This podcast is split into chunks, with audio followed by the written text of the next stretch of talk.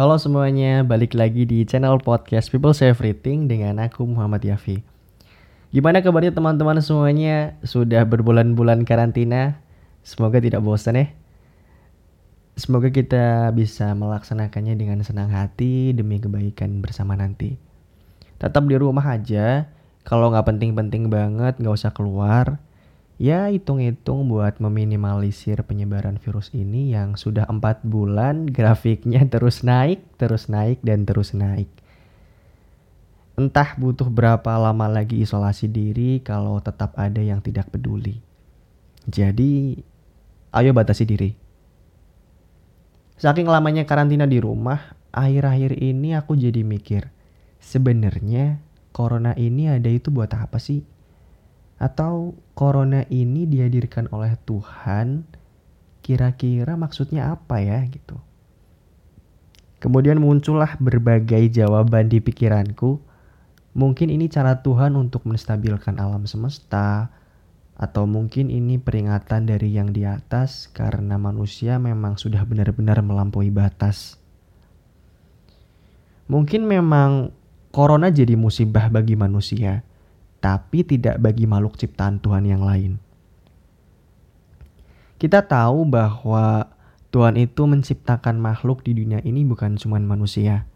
Tuhan menciptakan hewan, tumbuhan, bakteri, bahkan menciptakan virus itu sendiri. Dan seluruh alam semesta seisinya. Kita tahu bahwa Tuhan itu maha pengasih dan maha penyayang. Bukan hanya ke manusia, tapi ke seluruh makhluk-makhluknya. Jadi mungkin corona itu ada karena selama ini manusia yang sudah diberi kasih dan sayang justru tidak menebar kasih dan sayang pula. Kalau teman-teman baca, setelah terjadinya pandemi ini yang kemudian kita dihimbau untuk mengarantina diri, banyak hal-hal yang perlahan membaik. Beberapa contoh di antaranya adalah langit terlihat lebih jernih dan di India setelah sekian lama tertutup polusi, akhirnya puncak Himalaya terlihat lagi. Kualitas udara membaik karena gas emisi menurun. Di Cina, gas karbon dioksida sekitar 25% sudah turun. Perairan juga dinilai lebih bersih. Beberapa satwa mulai muncul ke permukaan dan mereka dapat hidup lebih baik. Di salah satu artikel yang baru aku baca, salah satu jenis penyu di pantai bagian timur Odisha, India yang hampir punah berhasil bertelur hingga 60 juta di pantai tersebut. Hal itu bisa terjadi karena aktivitas pantai jauh lebih sepi. Dan banyak lagi hewan-hewan lainnya yang akhirnya merasa aman dari ancaman manusia yang mereka anggap sebagai predator. Ngomong-ngomong soal predator itu identik dengan hewan buas. Tapi ya kalau dipikir-pikir sebenarnya kita itu buas banget tau. Iya serius. Kita tahu bahwa singa itu raja hutan, ya kan? Dan kita sepakat bahwa singa itu hewan buas. Tapi kenyataannya singa itu makan daging ya paling cuman daging rusa, paling banter daging zebra. Itu kalau lagi ada yang hajatan. ya maksudnya ya cuman itu-itu aja gitu.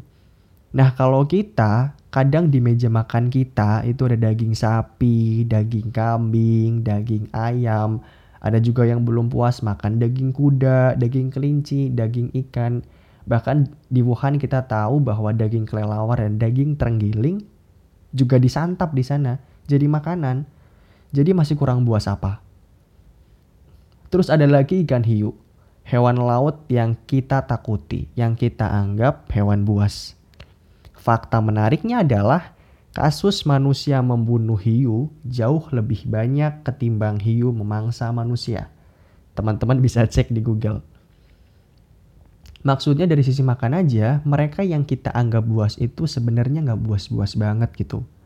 Mereka akan makan secukupnya, mereka akan makan apa yang seharusnya mereka makan, sedangkan manusia sendiri justru lebih buas dibandingkan dengan hewan yang mereka anggap buas.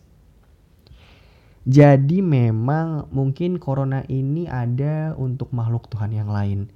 Untuk bumi agar tetap bisa menjaga keseimbangannya. Ya manusia emang disuruh berhenti dulu.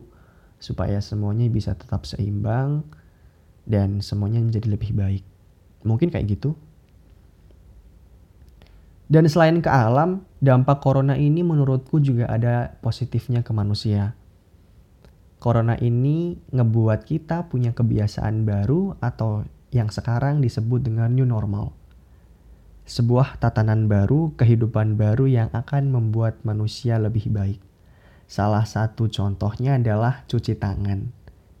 Iya, memang seharusnya itu sudah dilakukan sebelum ada corona tapi memang tidak bisa dipungkiri kebanyakan orang kesadaran untuk sanitasi dirinya itu rendah.